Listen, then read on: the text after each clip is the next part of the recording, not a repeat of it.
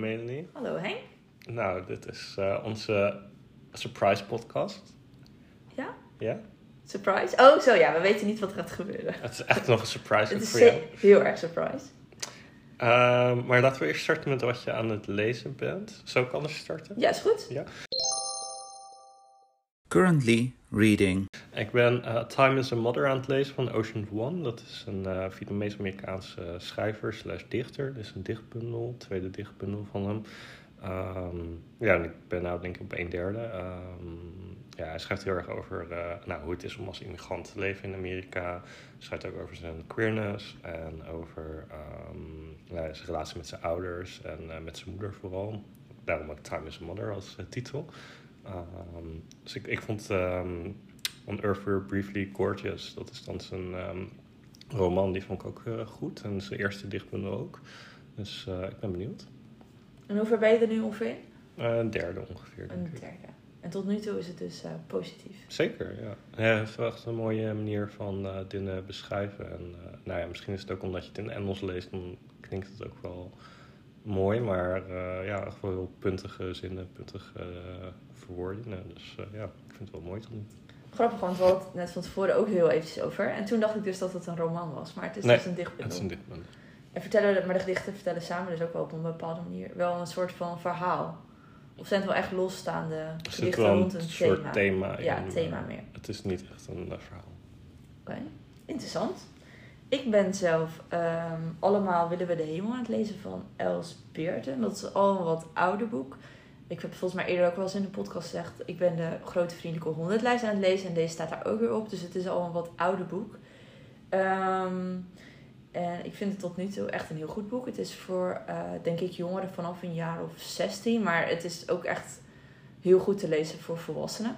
Ik vond het zelfs namelijk vooral aan het begin best wel een lastig boek... Um, want het wordt elke keer, elk hoofdstuk wordt uit een ander personage verteld. Hm. Alleen, uh, ze benoemt niet, er staat niet boven het hoofdstuk uh, Wie door wie het? wordt verteld. Dus ik ben echt een keertje overnieuw begonnen met lezen.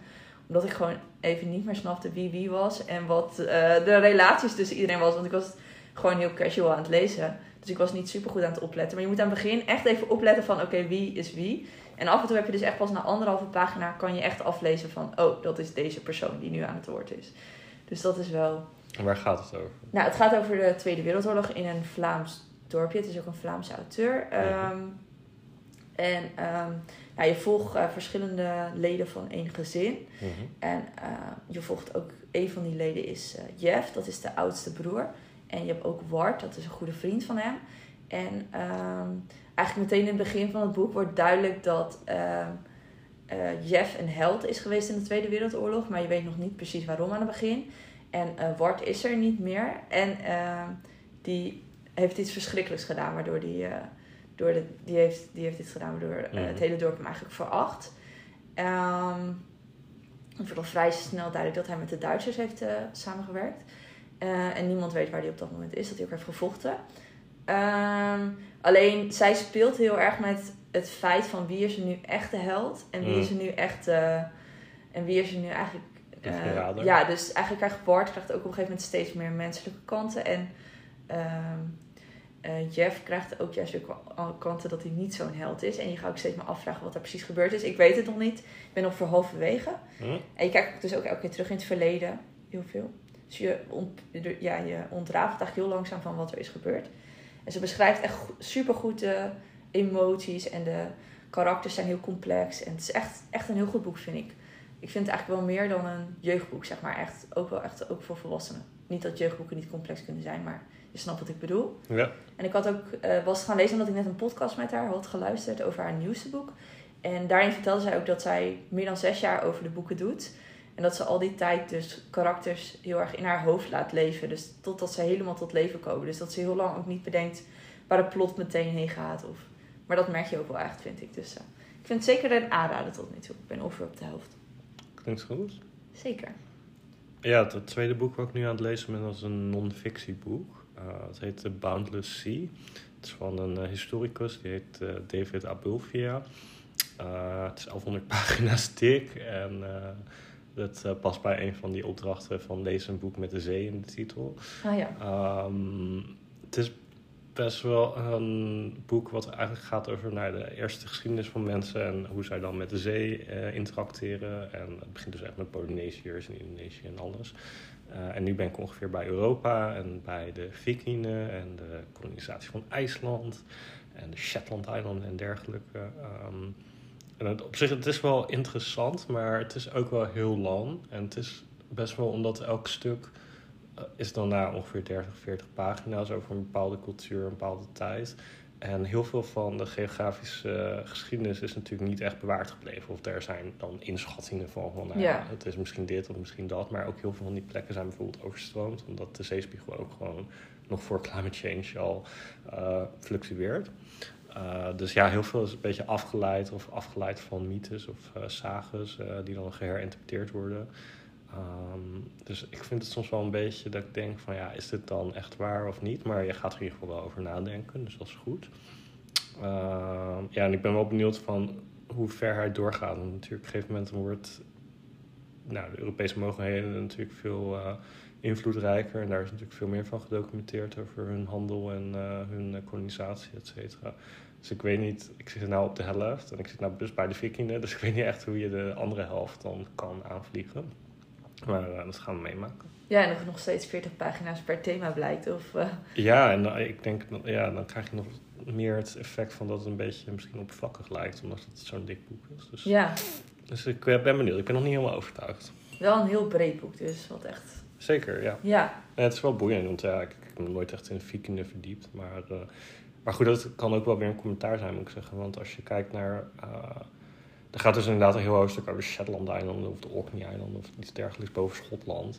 Maar ja, ik bedoel, de, bijvoorbeeld de Indonesische uh, maritieme culturen, de, daar leven natuurlijk veel meer mensen. En, uh, het is een veel landere periode en dat heeft eenzelfde uh, hoeveelheid tekst. En dan, ja, dus het is best wel eurocentrisch, ondanks dat hij probeert niet eurocentrisch te zijn. Maar het is toch wel dat je je afvraagt van ja, van in welke detail wordt het beschreven. En ook, nou, ik, ik ben best wel into Japan natuurlijk. Maar Ja. er was ook een hoofdstuk over Japan, maar dat was inderdaad ook echt maar 30, 40 pagina's. En uh, ik heb ook een podcast die ik dan volg over geschiedenis van Japan. En daar is echt wel veel meer over te vertellen. Maar goed, ja, dat heb je nou eenmaal met een soort overzichtswerk. Ja. Van ja, hoe ga je daarmee om? Waar leg je de focus op?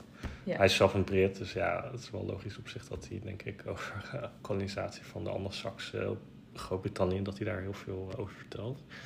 Maar goed, dus uh, we gaan meemaken. Op zich uh, met potentie, maar ook, maar ook met vraagtekens. Ja. Ja. De fanatieke Nederlandse lezers challenge random number generator podcast. Nou, met uh, Pasen hadden we het idee, en jullie hebben natuurlijk ook gestemd op uh, de random uh, FNL challenge opdracht. Dus we hebben eigenlijk een random generator gedaan. En onze paassurprise is dus dat we over drie opdrachten wat gaan vertellen. En de eerste opdracht die uit de Hoge Hoed kwam was opdracht 31, graphic novels. Mm -hmm. um, ik zal hem dus aftrappen. Uh, ik heb pas geleden Watchmen herlezen van uh, Alan Moore en Dave Gibbons. Uh, en dat is dus een superhelden um, verhaal eigenlijk in een alternatieve tijdlijn. Dus dat klinkt heel erg Marvel, maar het is veel uh, duisterder. Um, het begint eigenlijk met dat iemand uh, superhelden vermoordt. En ja, daarna word je eigenlijk langzaam in die wereld getrokken en wat er allemaal gebeurd is. Bijvoorbeeld de Vietnamoorlog is heel anders verlopen. Um, maar eigenlijk veel belangrijker dan de superhelden en hun interacties is eigenlijk over de moraliteit. Dus het gaat over vragen bijvoorbeeld van, nou ja, is het uh, toegestaan dat um, een aantal mensen wordt opgeofferd voor het grotere goed? Dat is eigenlijk een beetje de kernvraag als je naar het boek zou kijken. en ja, het einde is misschien een beetje sudden. Dus het is wel dat je denkt van, nou oké, is dat helemaal overtuigend? Uh, daar kan je vragen over hebben, maar het is wel op een manier uitgevoerd dat je echt denkt van, nou, het sleep je wel echt in het verhaal en dat hele mysterie en uh, hoe zit het nou in elkaar. En wat ik vooral heel goed vind aan de um, Watchmen uh, boeken is, um, het gebruikt heel erg het genre. Dus soms heb je een graphic novel die, nou ja, dat had net zo goed als een boek uitgebracht kunnen worden en had je niks gemist of zo. Maar hier werken ze echt heel erg met ehm, bijvoorbeeld een karakter die leest een andere strip er tussendoor. En dan zie je een heel andere manier van ehm, nou ja, kleurgebruik, et cetera. Dus dan wisselt het af. Je hebt ook soms de, bijvoorbeeld fictieve dagboek aan het einde van een ehm, sectie.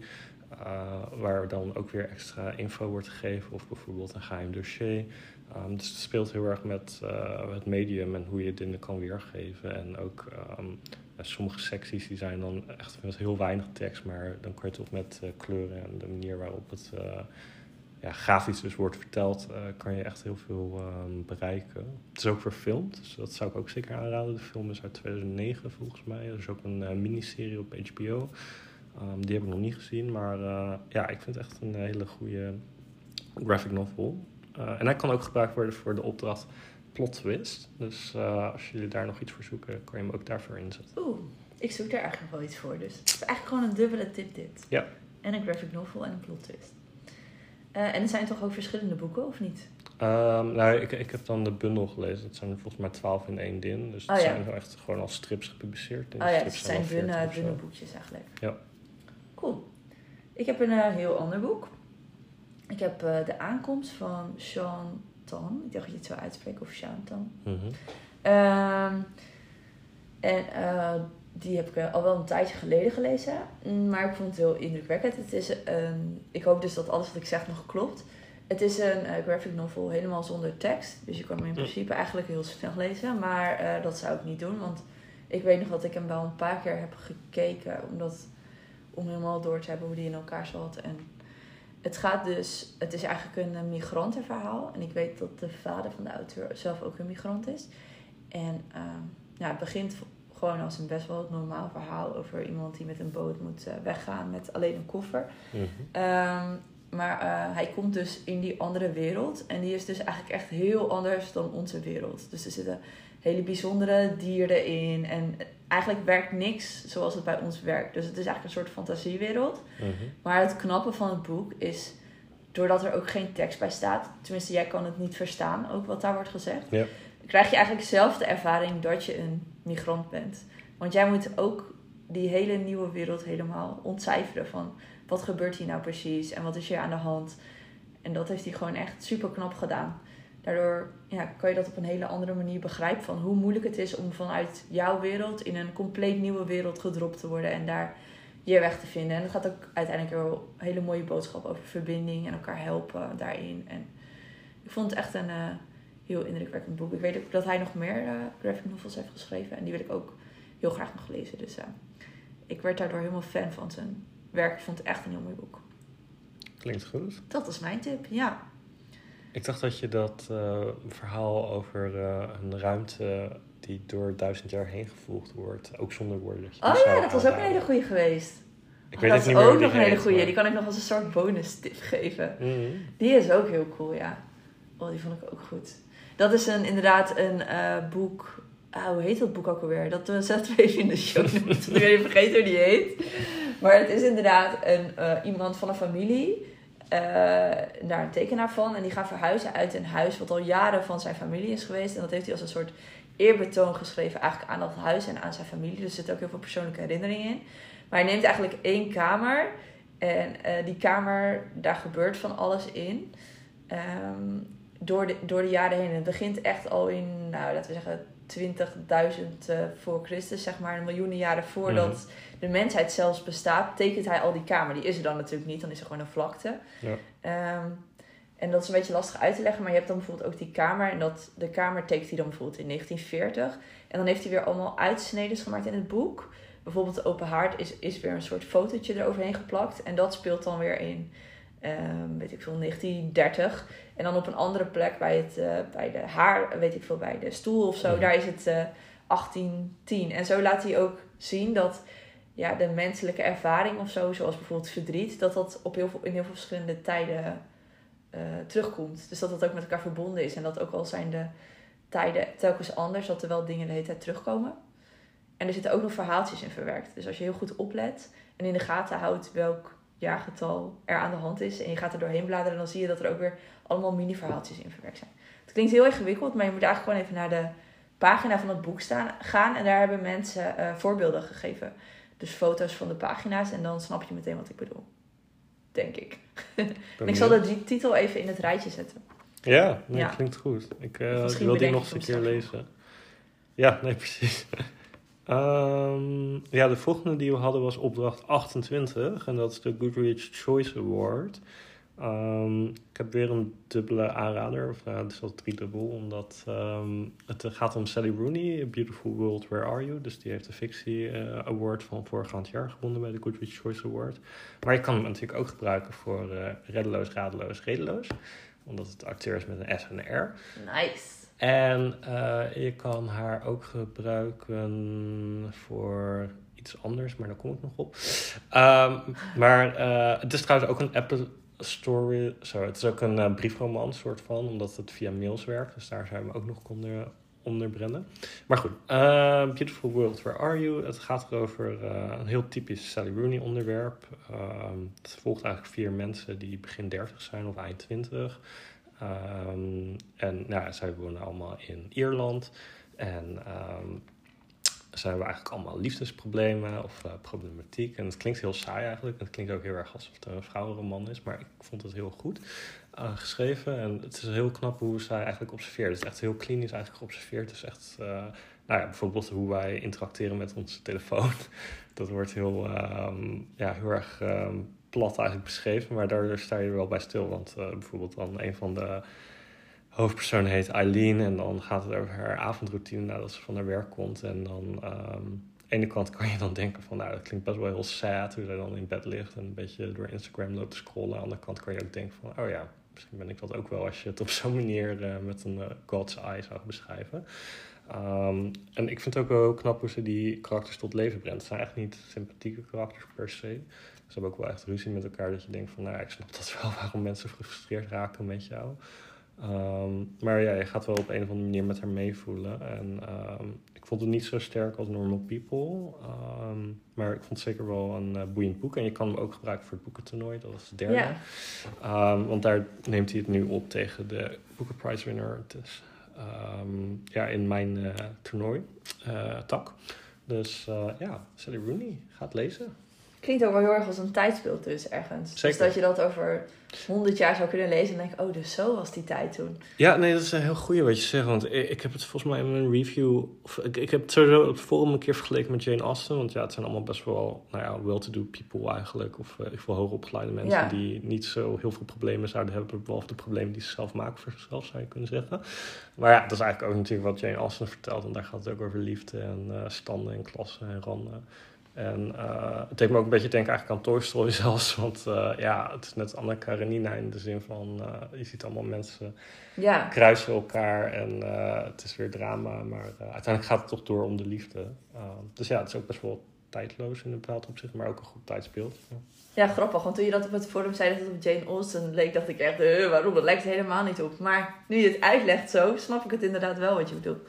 Gewoon als een soort, ja, bijna een tijdscapsule is deze tijd dan eigenlijk een soort van vastgelegd of zo. Nou, ik heb dus echt eigenlijk nog niet niks gelezen van de Goodreads Choice Awards. kwam ik dus achter. Dus ik moet deze opdracht zelf ook nog goed gaan doen. Ik heb wel eh, Stephen King gelezen, Billy Summer. Ook voor de eh toernooiopdracht, maar ja, dat was niet echt helemaal mijn boek. Ik geloof dat eh, Stephen King of je ding is of niet helemaal. Mhm. En ik val een beetje in de tweede categorie. Ik vind het een beetje... Ja, het zijn best dikke boeken en ik vind het allemaal net een beetje te langzaam gaan, geloof ik. Maar, eh, dus ik sla deze even over. Maar gelukkig heb jij twee aanraders, zei je net. Of was het gewoon dat je ook Normal People aanraadde? Nee, ehm, nou ja, dat, dat is misschien een beetje het gas onder jouw voeten wegmaaien. Maar eh, andere die zeker ook aan te raden is in deze categorie en die jij ook gaat lezen, Ja. dat is het uh, Pijnstiller Imperium Nee, van juist. Patrick Radden Keefe. Uh, hij is een journalist en ehm, ja, eigenlijk vertelt hij het verhaal over de opioid crisis in Amerika. Uh, en over het bedrijf Purdue Pharma, wat dat eigenlijk ehm, nou ja, werkelijkheid heeft gemaakt. Uh, en het begint eigenlijk al heel lang geleden in de zin van... Um, hij volgt eigenlijk eerst drie broers, um, kinderen van immigranten... die in New York opgroeien en die uh, medische opleiding volgen. En um, nou ja, je ziet eigenlijk hoe hebzucht en ambitie een rol spelen... en ook hoe dat hun familie um, doet vervreemden van elkaar... En zij richten uiteindelijk een bedrijf op wat dan Purdue Pharma uiteindelijk wordt. En dan de volgende generatie die uh, vindt dus het gat in de markt van, uh, nou ja, het klinkt natuurlijk heel uh, mensgericht en er is natuurlijk een heleboel noodzaak aan pijnbestrijding. Um, dus eerst wordt het natuurlijk gezien als een panacee tegen alle problemen.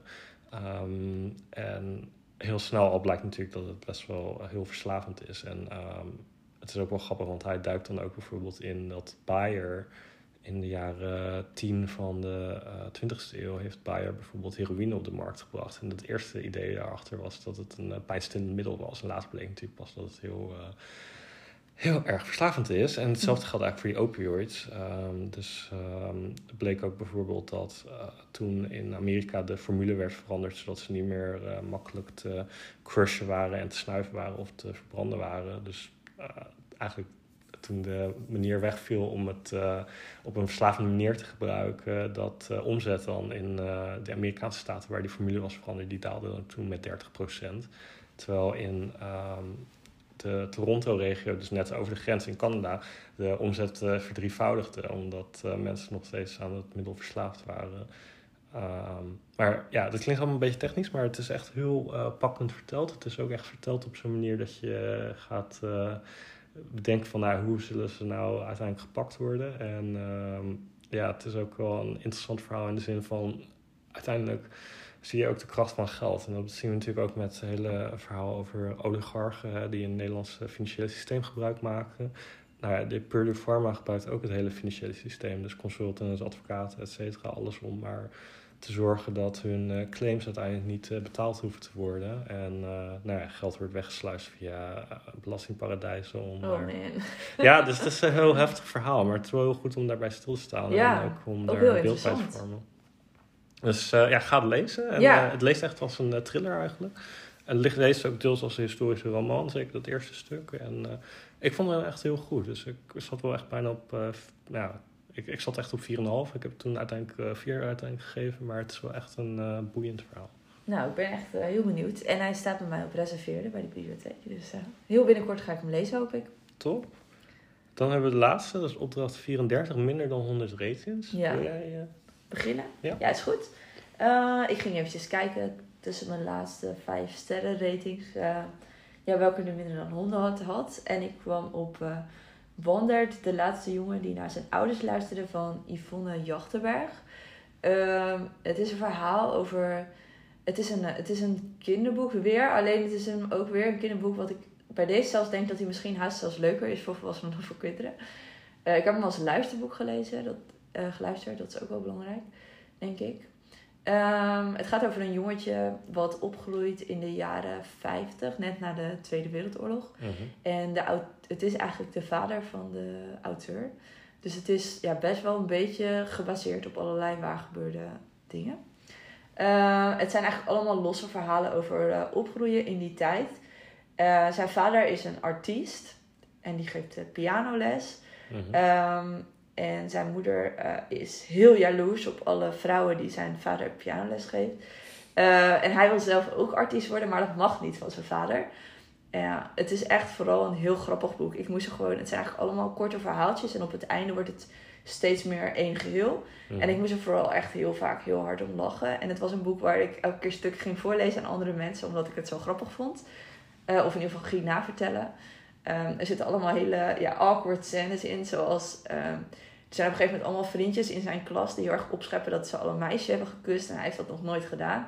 Hij wordt altijd uh, heel uitgebreid geknuffeld door de tante. Gewoon zo'n grote tante van zijn moeder. En dan, um, ja, dan als hij dat doet, dan, dan zit hij zo ongeveer met zijn hoofd tussen de borsten. Dus op een gegeven moment zijn allemaal jongetjes uit het opscheppen op het schoolplein. Van ja, ik heb al gezoend, ik heb al gezoend. En hij vindt het dan heel awkward. Dus dan dacht hij, oh, ik heb al aan iemands borsten gezeten.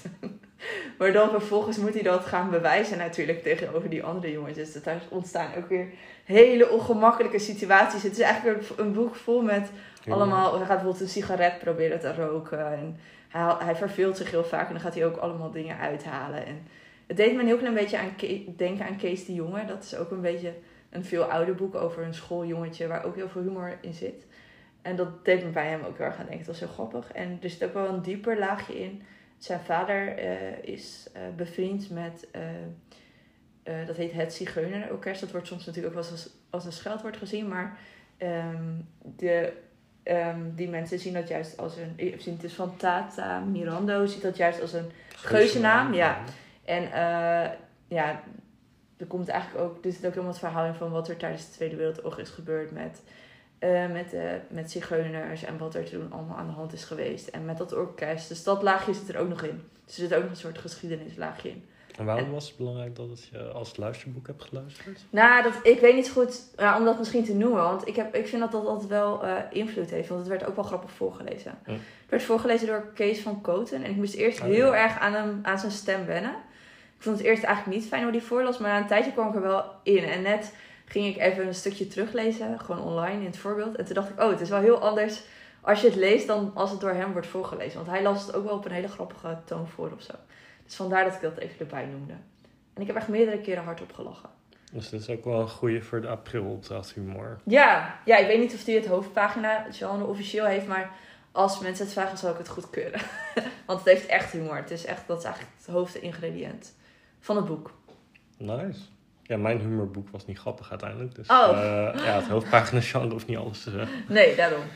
Ehm, ja, dan mijn boek met minder dan 100 ratings. Dat is een eh, boek wat in eh, Cyprus is gesitueerd. Het heet A Good Year van Polis Louisou. Ik weet niet of ik dat helemaal goed uitspreek, maar ehm, ja, het speelt zich ook af in ongeveer de jaren 50 na de Tweede Wereldoorlog. Het is best wel een serieus boek. Ehm, het is eigenlijk gestructureerd rondom ehm, de tijd tussen kerst en eh, drie koningen. Ehm, en ja, in Cyprus is dat natuurlijk ehm, nog een heel erg religieus eiland op dat moment. En het volgt eigenlijk twee mensen. Eentje is eigenlijk een zwangere vrouw en de andere is dan haar man.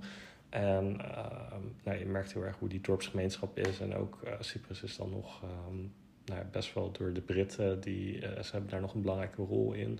Eh, en die er wordt ook bijvoorbeeld gecommentarieerd dat die Britten heel veel eh, mensen daar ehm, gerecruiteerd hebben tijdens de oorlog om te vechten voor hen. Ehm, en het is een hele arme gemeenschap. En eigenlijk, ik hou helemaal niet zo heel erg van historische romans per se. Ehm, maar dit ging ook heel erg over dan de worsteling van die man met zijn seksualiteit. Ehm, want er is ook een relatie tussen hem en een eh, bepaalde Brit op het eiland. En eh, nou ja, zijn vrouw is dus hoogzwanger, dus eh, dat heeft allerlei ehm, consequenties en gevolgen. Ehm, ja, ik vond het heel erg. het, het is niet spannend geschreven of zo. Het is best wel heel verstild geschreven. En echt alsof je een boek uit die tijd leest. Maar je wilt wel doorlezen en snappen hoe het in elkaar zit en hoe die relaties dan verder ontwikkelen. En volgens mij heeft deze maar 86 ratings. Ehm, dus ja, als je nog een keer een historisch boek zoekt over Cyprus. Of eh, gewoon een kort uitstapje, dan eh, zou ik deze zeker aanraden. Dus uh, Good Year van Louisou. We moeten trouwens niet te veel mensen aan gaan lezen, want anders komt hij hier boven de 100 ratings. Ja. You Dus heard it er snel first bij. here. Ja. You heard it first here.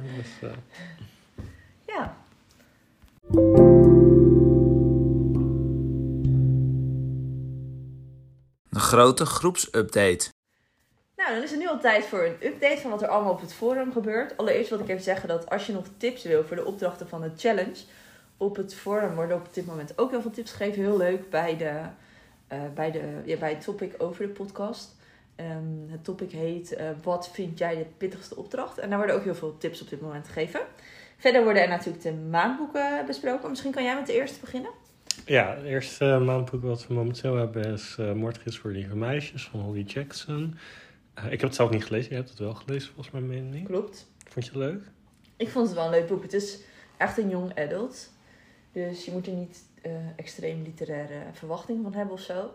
Maar het is gewoon een lekker boek voor tussendoor om te lezen. En het is ook wel origineel, omdat er... Het wordt zeg maar niet alleen als een normaal verhaal verteld, maar... Um, er zitten bijvoorbeeld ook uh, sms'jes in en stukjes verslag die ze voor haar middelbare school maakt. Want ze maakt eigenlijk een verslag over een moord in het dorp. Het is gewoon een heel lekker fijn boek voor tussendoor. Oké. Okay. Ja. Ja. Het wordt ook veel gelezen. Dat ja, is wel leuk. ik zie het. Ja. Dat gaat pas goed. Pas ook goed bij de moordopdracht. Dus ja, ook... inderdaad.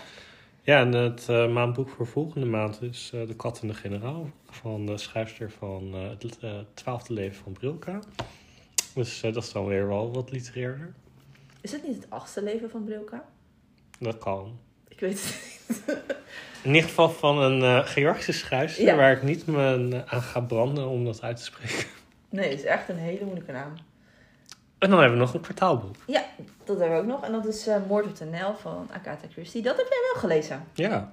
En ik heb ook de film gezien. De film is niet... eh, ja, de, de film is in 2022 verfilmd. En dat was eh, beetje langzaam. Ik moet zeggen, het boek is ook een klein beetje langzaam. Dus het duurt wel even voordat er echt iemand doodgaat. Je weet al helemaal van, nou, die meid gaat dood. Dat is wel heel duidelijk bij alle Ja. hints en eh Ik heb beschrijvingen. 30 pagina's gelezen en ik weet welke meid je bedoelt. Ze wordt ook wel een beetje beschreven op zo'n manier dat je denkt van ja, oké, dat is wel duidelijk dat die doodgaat. Maar ehm, ja, het is een eh, echt eh Agatha Christie, dus ehm, met veel twists en turns. Maar dit was wel eentje waarvan ik kon raden wie het gedaan had, hè, op ongeveer de helft. Dus, eh, dat Dat is niet altijd waar. Nee, dat had ik bij de Murder on the Orient Express bijvoorbeeld niet toen dat voor het eerst had. Of There Were None ook niet. Dus, eh, maar ik vond het een leuk boek. Gewoon eh, ook lekker, lekker weglezend. Ik ga hem ook nog verder lezen, dus ik ga mijn best doen. Challenge accepted. Ik wil het nu ook op de helft weten. Mhm. Dan hebben we nog ons boekentoernooi. Ja, Ja, dat Ja. gaat ook wel goed. ja, zeker. Dus eh, bij mij eh, is het heel duidelijk dat ehm Arnold Gunberg eh, niet verder ging. Dus nu is het ehm Damon Go Good die met de belofte tegen Sally Rooney gaat. Dus ik ben heel benieuwd wat eruit komt. Je hebt ze alle twee gelezen en alle twee Ja. precies dezelfde rating gegeven. Je gaat Ja. nog niet zeggen op welke je gaat stemmen. Nee, nee, dus dat is nog even spannend. En jij leest ook mee, bij Evie, toch? Ja, ik lees ook voor het science fiction mee. Dus eh, bij science fiction eh, was het wel heel spannend. Maar daar gaat nu 7b, wat ook een maandboek is geweest, eh, gaat tegen Project Hail Mary opnemen. Ehm, dus ja, ik ben wel benieuwd. Ik heb maar één boek eerder van Andy Weir gelezen. Dus, ehm, en dat was Artemis, niet Martian. De Martian is wel volgens mij heel eh, bekend. Ja, die heb ik gelezen. Maar eh, ja, ik ben benieuwd. Ja, ik ook. Ik lees mee in non-fictie en in eh, de thriller detective tak. En daar was het eigenlijk ook bij alle twee heel erg spannend. Bij non-fictie hadden eigenlijk alle twee de boeken goede beoordelingen gekregen. En die kwamen echt gewoon precies tegelijk uit met de stemmen. Dus dat was echt super spannend. Vond ik wel heel leuk. Ik hou wel van als het een beetje spannend is. En daar heeft uiteindelijk Vrij gewonnen, een boek over Albanië. En die gaat het nu opnemen tegen Brieven van het Hoge Nest van Roxanne van Ypres. Mhm. Mm, en bij de detectives was het ook heel spannend. Maar daar werd het wel iets duidelijker. Maar daar is Stephen King, wat natuurlijk echt een enorm grote schrijver is. Ja, hij is van zijn troon gestoten door een Nederlandse auteur. Dus dat was ook wel weer heel verrassend. En hij gaat nu tegen Orakel. Van de toch wel hele populaire Thomas, eerste boek van Hex natuurlijk. Dat was... eh, Thomas Ja. Oldeheuvel. ja, klopt. Dus ik ben benieuwd. Ik vind het echt leuk weer om alle beoordelingen te lezen. En gewoon, het is elke keer spannend wie er gaat winnen. Ik ben heel benieuwd. Ik heb echt nog geen idee eh, wat de uiteindelijke winnaar gaat worden. Nee. Nee. Helemaal goed. Ja, en dan hebben we nog eh, een boek wat we toen net niet wisten wat het was. Een graphic novel. Ja, Dus daar kunnen we wel mooi mee daar kunnen we nog even mooi mee afsluiten. Ja, ik ben erachter gekomen. eh, de titel van dat boek, wat in verschillende plaatsen, tege- op verschillende tijden vooral tegelijk speelde, was Hier van Richard McQuire. Top. En allemaal weer tot de volgende keer. Tot Bedankt de voor het volgende luisteren. keer. Doei!